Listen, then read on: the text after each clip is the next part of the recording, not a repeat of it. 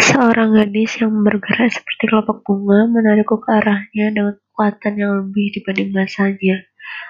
Sama seperti itulah, seperti Apollo Newton.